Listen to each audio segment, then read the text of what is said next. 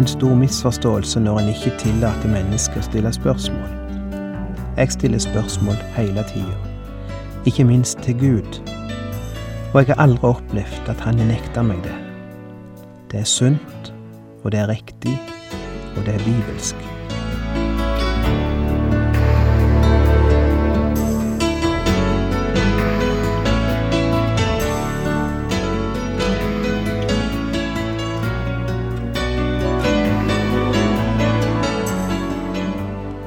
Hjertelig velkommen til et nytt program i serien Vindu mot livet.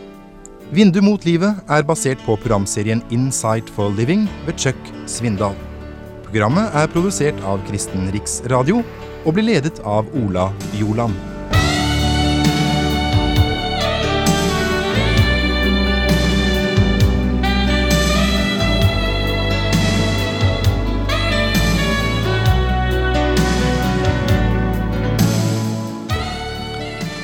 Vi snakket sist gang om det å stille spørsmål. Mange har vokst opp i et miljø der det ikke er tillatt å stille for mange spørsmål. Var det en ungdom iblant dere som stilte for mye spørsmål ved ting, eller ved trua, så så vi på han med litt skeptiske blikk. Det er liksom ikke god takt og tone å stille spørsmål i evangeliske miljø. Der skal en bare tru, tru det som det er, enten en forstår det eller ikke. Det er en stor misforståelse når man ikke tillater mennesker å stille spørsmål. Jeg gjør det hele tida, altså stille spørsmål, ikke minst til Gud, og jeg har aldri opplevd at Han nekter meg det. Det er sunt, og det er riktig, og det er bibelsk. For Òg i Bibelen stilles det spørsmål. Og det er disse spørsmålene vi skal se litt på i disse programmene. Det er interessant å studere de spørsmål vi finner i Bibelen, fordi de er så friske og fordomsfrie. De er ikke farga av mennesker som er blitt påvirka av tusen år med djup teologi, eller av tusen bøker, tusen prester og predikanter. For disse første mennesker som møtte Jesus, for de var alt nytt. Derfor er deres spørsmål så interessante, og vi kan lære så mye av dem. Sist gang begynte vi imidlertid med å se på et spørsmål som Jesus stilte. Hvem sier folk at jeg er? spurte han sine disipler. De sto oppe i den lille landsbyen Cesarea Filippi, omgitt av hedenske tempel på alle kanter. Og ikke ett av de var bygd til ære for Jesus. Og det må ha vært litt rart å stå der, sammen med en som erklærte at han var Guds sønn, sammen med en som hadde opptrådt som den som kom med den eneste rette vei til Gud og guder var det fullt av på den tida. Og de hadde sine store monumenter og minnesmerker og tempel rundt omkring, ikke minst i denne byen. Men denne Jesus, ingen tempel var bygd for han. Ingen kirke, ingen hus, ingen statue, ingenting. Hvem var han egentlig? Og det spørsmålet er det nettopp Jesus stiller sine disipler, der de står midt iblant alle disse Baal-templer. Vi leser igjen i Matteus 16, vers 13-17. Da kom Jesus til traktene ved Cesarea Filippi, og han spurte disiplene, Hvem sier folk at menneskesønnen er? De svarte, noen sier døperen Johannes, andre Elia, og andre igjen Jeremia, eller en annen av profetene. Og dere, spurte han, hvem sier dere at jeg er? Da svarte Simon Peter, du er Messias, den levende Guds sønn. Jesus tok til orde og sa, Salig er du, Simon, sønn av Jonah, for dette har ikke kjøtt og blod åpenbart for deg, men min Far i himmelen. Vi har sett på første delen av dette avsnittet. Men etter å ha fått alle disse svarene om hvem folk mente han var, hva folk tenkte om han, så retter Jesus altså spørsmål direkte til disiplene. Men det, da? Hvem mener det at jeg er? Og jeg kan ane det blir stilt blant disiplene en liten stund. Han stiller jo ikke spørsmålet til en bestemt av de, men til heile gruppa. Hvem skal svare? Kanskje de står og venter på hverandre ei lita stund. Men så griper Peter ordet. Ja, hvem andre enn Peter måtte det være som tok ordet først? Og vi har ofte ledd litt av Peter. Iallfall har vi rista litt på hodet av han eller trekt på skuldrene. Han var så impulsiv og spontan, gjorde så mange ting galt, og sa så mange ting galt. Men her må vi ta hatten av for Peter.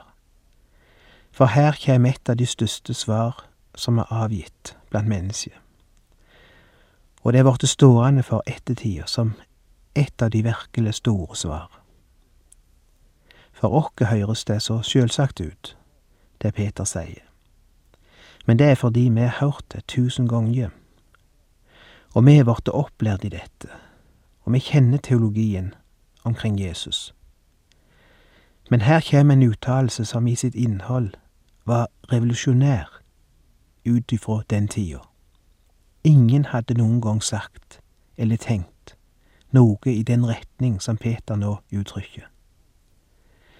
Det var dramatisk nye tanker. Aldri var noe slikt blitt uttalt på denne jord av et menneske, og om et menneske. Det som Peter ikke kan holde ut tausheten lenger. Han griper ordet og våger seg frampå med noen av de tankene han har gjort seg den siste tida. Kanskje han aldri har våget å nevne disse tankene før, for sine venner. Eller kanskje de hadde snakket om det, vi vet ikke, men han våger seg frampå og sier, Du er Messias, den levende Guds sønn. Forresten, Peter hadde sagt noe lignende ved en annen anledning, den gangen Jesus hadde talt harde ord til folk, og de vart forarga og gikk sin vei. Og Jesus snur seg til disiplene og spør de, Vil også dere gå fra meg? Og Peter kjem med disse kjente orda, Herre, hvem skal vi gå til? Du har det evige livs ord, og vi vet at du er Guds hellige. Det kan vi lese om i Johannes 6. Men dette er enda sterkere og enda klarere. Og det er interessant å høre hvor sterkt Jesus berømmer Peter for det svaret. Det er en voldsom sterk anerkjennelse han kommer med i vers 17. Salig er du, Simon, sønn av Jonah, for dette har ikke kjøtt og blod åpenbart for deg, men min far i himmelen. Det er nesten som Jesus ble overraska over svaret at han ikke hadde venta seg et slikt svar. Jeg vet ikke om jeg kan si det om Jesus, men det minner meg om en klassesituasjon der læreren stiller en av elevene et spørsmål, og så får han kanskje et svar så rett på spikeren at han blir stående og måpe. Har du opplevd det? At en elev nesten overgår seg sjøl, og læreren står med store øyne og åpen munn og får til slutt fram Fantastisk! Hvordan har du kommet på noe slikt? Det er jo heilt korrekt. Det er jo genialt sagt. Det som Jesus sier dette til Peter. Peter, du er et geni. Det du sa nå, er sannere enn du sjøl er klar over. Det er et svar som ingen ringere enn Gud har gitt deg. Hvor heldig du er, Peter, som får lov å avlegge en slik bekjennelse. Hvor heldig du er, Peter. Ditt svar er 100 korrekt. Det kunne ikke vært sagt bedre. Hvor godt det er å høre av og til, forresten, at et svar kan være rett. For vi lever i ei tid der det liksom ikke skal gis klare svar på noe. Det er liksom ikke inn å komme med entydige svar. En skal helst stille spørsmål, og i den grad en må svare, så skal det helst være vagt og tvetydig. Til og med i forkynnelsen, tror jeg, har vi blitt redde for å komme med svar, klare svar. Men her sies det rett ut at svaret er rett. Der er noe som er rett, ser du, og der er noe som er galt, òg når det gjelder teologi og kristendom. Og jeg tror vi må bli mer frimodige når det gjelder dette. Simon er forresten ikke den eneste som er kommet med sterke og klare uttalelser eller bekjennelser angående hvem Jesus er.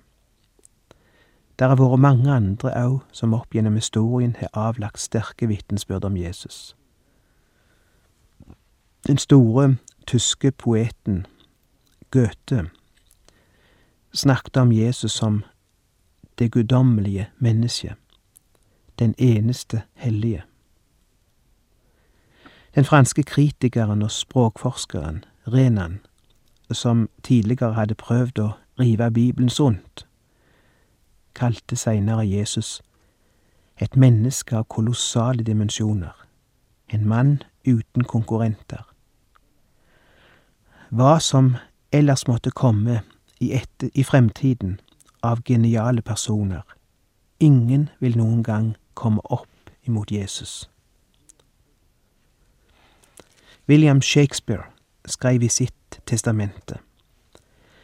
Jeg anbefaler min sjel i hendene til Gud, den store skaper, i det jeg håper og tror at jeg skal få del i evig liv ved Jesu Kristi, min Frelsers fortjeneste.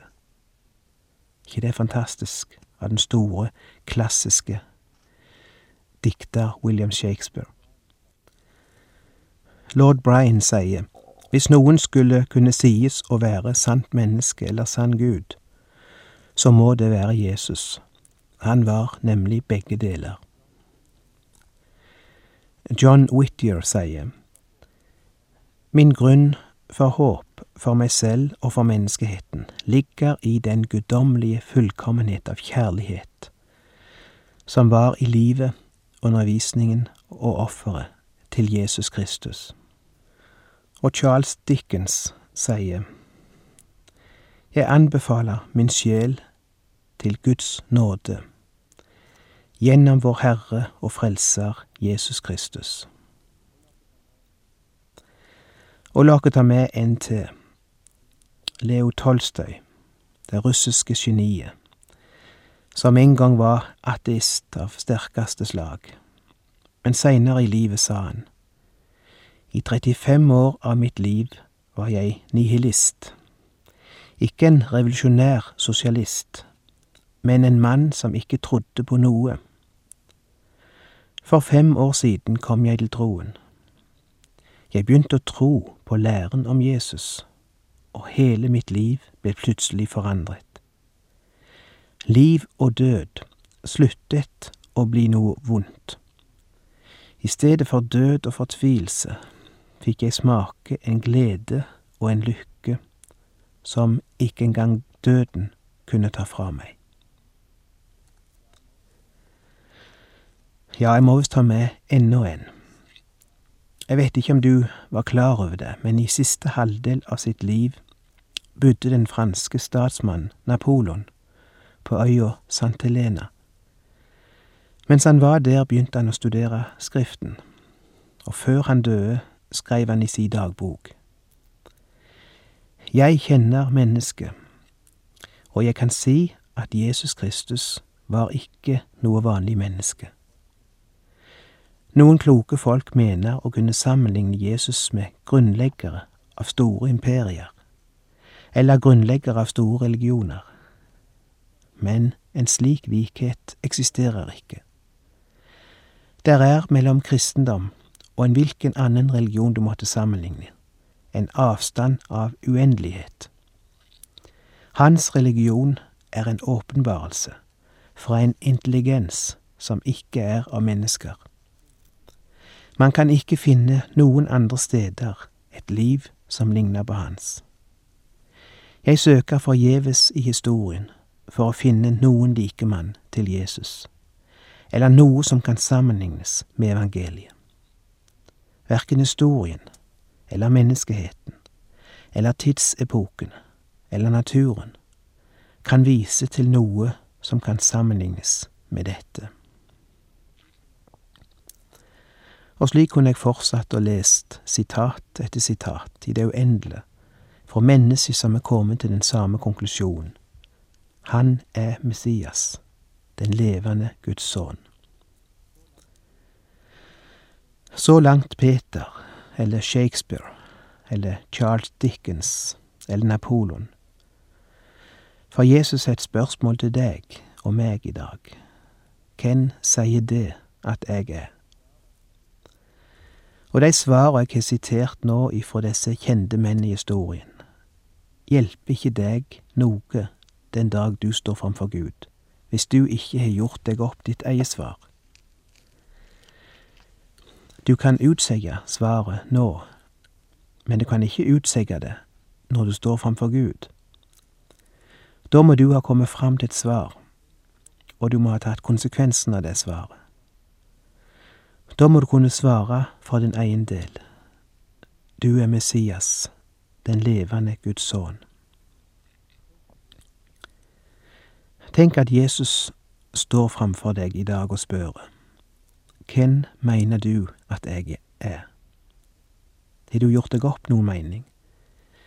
Har du noen gang svart på det spørsmålet? Vet du at et slikt svar, en slik bekjennelse framfor Gud, kan være det som skal til for å sette deg inn i Hans rike? Hvem er Han? Tenk først på det livet du lever nå. Hvem er Han i forhold til det livet? Sammenlign Han med hvem som helst. Hvem ellers kjenner du som kan tilgi synd og skyld? Hvem ellers kjenner du som vil stå deg nær når alle og alt blir tatt ifra deg? Hvem ellers kjenner du som kan helbrede sykdommer? De beste mennesker du kjenner, kan kanskje skrive ut en resept på medisiner, men det er ingen andre som kan vende din bitterhet om til hvile, og din sorg til glede. Det er ingen annen du kan betru din innerste og dine innerste og mest skjulte tanker til, de mest sårbare hemmeligheter. Han er iallfall den eneste som kan gjøre noe med dine betroelser. Han kan ta bort det vonde. Ingen andre kan bringe tilbake gleda, kjærligheten, og den varmen som forsvant ifra deg på grunn av ting du gjorde i livet, kanskje, som du ikke burde ha gjort. Sjelesørgere og gode venner kan nok legge armene rundt deg og gråte med deg, men ingen annen enn Jesus kan forandre på det vonde som hendte. Ingen andre kan ta bort bitterheten og utslette arra. Og én ting er iallfall sikkert. Når du trekker ditt siste sukk og stiger ut av dette livet, så er det ingen av de du kjenner her på jord, hvor nære og gode venner de enn var, som kan gå sammen med deg det siste stykket. Det er det bare han som kan. Hva slags tanker har du om Jesus? Skulle ikke dette være noe å tenke på? Jeg håper du ikke bare har et teoretisk svar, men et personlig svar. Det vil si at det svaret du har, er jo et svar til Han. Jesus, jeg ser jeg trenger deg. Jeg trenger deg for dette livet, og jeg trenger deg når jeg skal ut av dette livet. Hvem ellers skal jeg gå til? Du har det evige livs ord. Men jeg advarer deg. Ditt liv vil ikke komme til å bli det samme når du tar et slikt standpunkt. Han vil komme til å forandre det. Du trenger ikke forandre det. Du kan ikke forresten om du vil det. Men han vil gjøre det hvis du gir han rom. Der er lagt en sang ut ifra Peters bekjennelse her. Ikke den han kjem med i denne teksten, forresten, men ut ifra den andre bekjennelsen vi las i stad, da Jesus spurte disiplene, vil også dere gå fra meg? Og Peter svarer, Herre, hvem skulle vi gå til? Du har det evige livs ord. Og så har jeg lagd en sang nettopp til dette svaret. O Herre, til hvem skulle vi dog gå hen? Du har jo det evige livet. Kun du bærer navnet som synderes venn. Kun du har ditt livsblod oss givet. Hvor fattig, hvor øde og tom var vår jord, om ikke vi hadde ditt evighetsord, som løfter vår sjel over jorderiks grus, helt opp mot de evige høyder. O Herre, til hvem skulle vi da gå hen når sorgene fyller vårt hjerte, når ikke der finnes en eneste venn som makter å lindre vår smerte? Hvor godt da å fly til din åpnede favn. Du lindrer hver smerte og mildner hvert savn. Som før vil du byde ditt tid og vær still, og stormer og bølger deg lyder. Når livskvelden kommer og solen går ned og evighetsklokkene ringer, i skyggenes dal og ved dødsflodens bredd, si, hvem skal vel over meg bringe?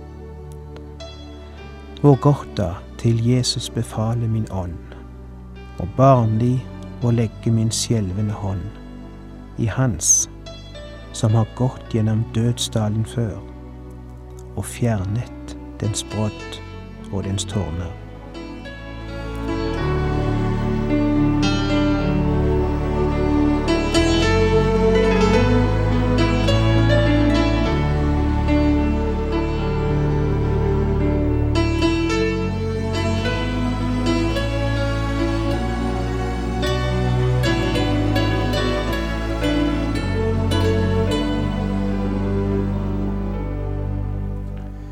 Du har lytta til Ola Bjoland i serien 'Vindu mot livet' fra Kristen Riksradios arkiv.